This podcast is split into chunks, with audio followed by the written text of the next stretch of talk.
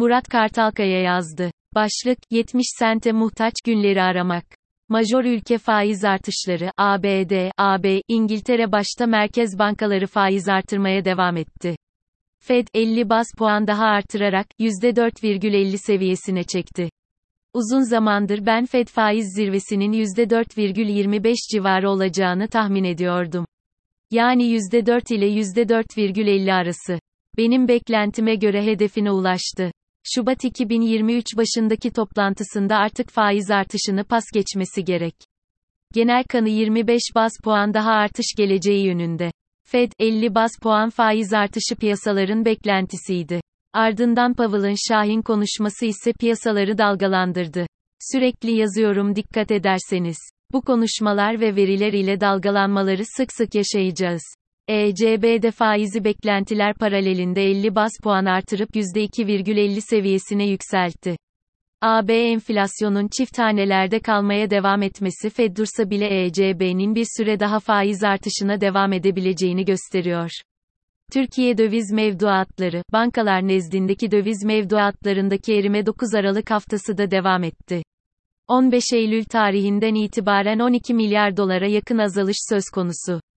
Bu süre zarfında Euro, USD paritesinin 1.00'dan 1,06'ya, altının ons fiyatının 1640 dolardan 1800 dolara geldiğine dikkat edersek erimenin aslında daha yüksek olduğunu anlayabiliriz.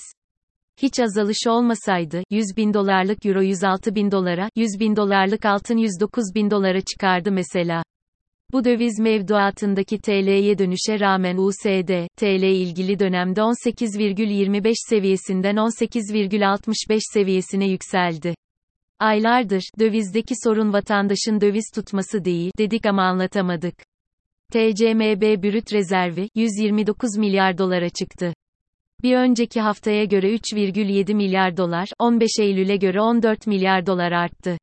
Son 8 yılın en yüksek rezervi gibi görünüyor. 2021 Kasım ayında 28,5 milyar dolara kadar çıkmıştı. Ancak bence geçen seneki artış daha yüksekti. Çünkü yukarıda anlattığım gibi euro ve altındaki artış rezervlerde de artışın gerçek artışın üstünde olmasına yol açtı.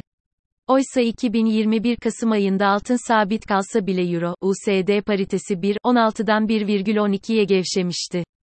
Krediler, kredi kullanımdaki hafif yukarı eğilim devam ediyor. 9 Aralık haftası 62 milyar TL oldu. Aralık hafta ortalaması 60 milyar TL. Haftalık Eylül ortalaması 40 milyar TL, Ekim ortalaması 46 milyar TL, Kasım ortalaması 51 milyar TL gerçekleşmişti. Türkiye cari açık, Ekim ayı cari açık rakamı beklentilerin altında kaldı. Ocak-Ekim cari açığı 38 milyar dolar. Açığın düşük çıkmasındaki en büyük etken tabii ki 21 milyar dolarlık nereden geldiği belli olmayan para. Bu para nereden geldiği belli olmadığı gibi sonrasında da nereye gittiği belli olmadan kaybolabiliyor. Türkiye işsizlik oranı, Ekim ayı verilerine göre işsizlik oranı %10,2, geniş işsizlik ise %20,3 olmuş. Eylül ayında hafif gerileyen işsizlik Ekim ayı ile birlikte durmuş gözüküyor. Ekim ayındaki yazılarımda belirtmiştim. Mart-Mayıs 2023 arasında işsizlik oranlarının artacağını düşünüyorum.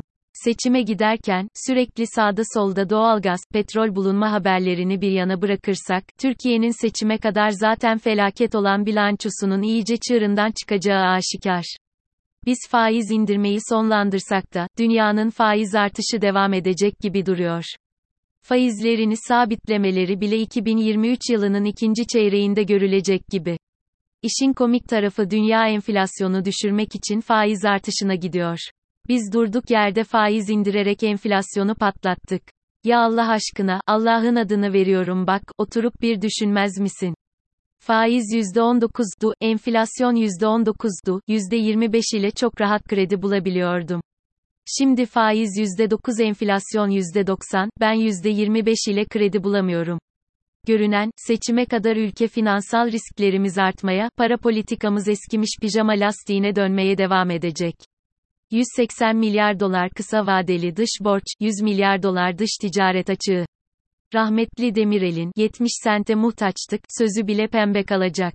Yeni iktidar 50 milyar dolar eksiğiyle ülkenin kasasını devir alacak. Piyasa BIST 100, yabancılar 2 Aralık haftası yaptıkları 340 milyon dolar hisse alışlarının neredeyse tamamını 9 Aralık haftası geri satmışlar. 15 Eylül'den bu yana 600 milyon dolar hisse, 300 milyon dolar DIBS, toplamda 900 milyon dolar çıkmışlar. Geçen hafta borsada güç kaybı gözlense de dönüş işareti yok. Ne gücü var ki, diyebilirsiniz. Olan gücünde diyelim. Bu hafta direnç 5500 puanda, destekleri 5100 ve 4750 puanda. Altın, ons, sürekli aynı şeyi söylüyorum, sıkıldınız ama tekrarlayacağım. Nokta. Major merkez bankalarının faiz artırma olasılıkları devam ettikçe altında uçuk yükselişler baklemeyin. Teknik olarak yorulduğunu, bir düzeltme gelebileceğini tahmin ediyorum. Bu gevşeme de abartılı olmaz. 1730 dolar civarında sonlanır. Altında düşme eğilimi sonlandı. Sürekli çok önemli destek dediğim 1610 doları görüp döndü. Bir kez daha dener mi sanmıyorum.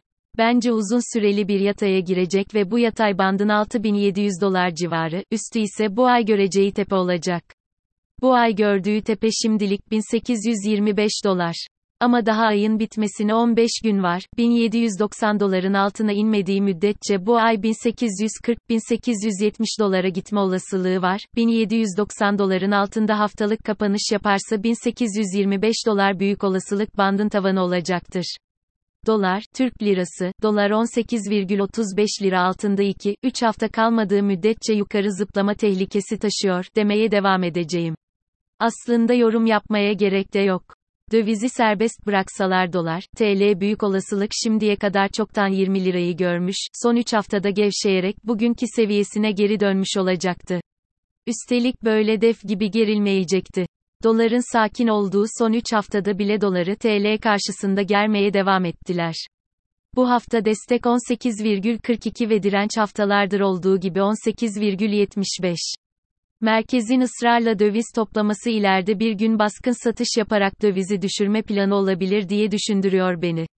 Avro, dolar, 1,0470 seviyesini destek yapmayı becerdi gibi duruyor. 1,08 direnci hedefte diye tahmin etmiştim. 1,0735 seviyesinden döndü.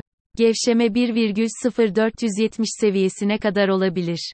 Eski direncinin destek olup olamayacağını denemek isteyebilir. Yine de bence euro lehine güçlenme devam edecektir. Hatta destek dayanamayıp kırılsa parite 1,00 civarına geçici olarak inse bile, bu fikrim değişmeyecektir. Haftaya 1,0610 üstünde başlayabilirse 1,0810 seviyesine kadar çıkıp 1,0610 seviyesini destek yapmaya çalışabilir ama 1,05 civarına kadar gevşeme olasılığı daha yüksek gibi duruyor. Tahminim 1,08 üstüne çıkıp yükselmeye başlaması Mart 2023 ayını bulacaktır. Brent petrol 76 dolar 2 hafta üst üste dayandı. Şimdi 86 ve 89 dolara doğru bir yükseliş olabilir. Daha önce de yazdığım gibi 89 doların üstüne çıkıp bir hafta kalmadığı müddetçe artık 65 dolar hedefte. Dolar endeksi çok fazla gevşedi.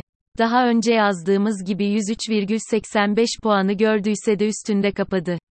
105 puanda bir direnci olsa da 107 puana kadar toparlayabilir gibi duruyor. Gümüş, USD, altına göre daha güçlü duruyor. 22,5 doları aşağı kırmazsa, 26,5 doları görme olasılığı oldukça fazla.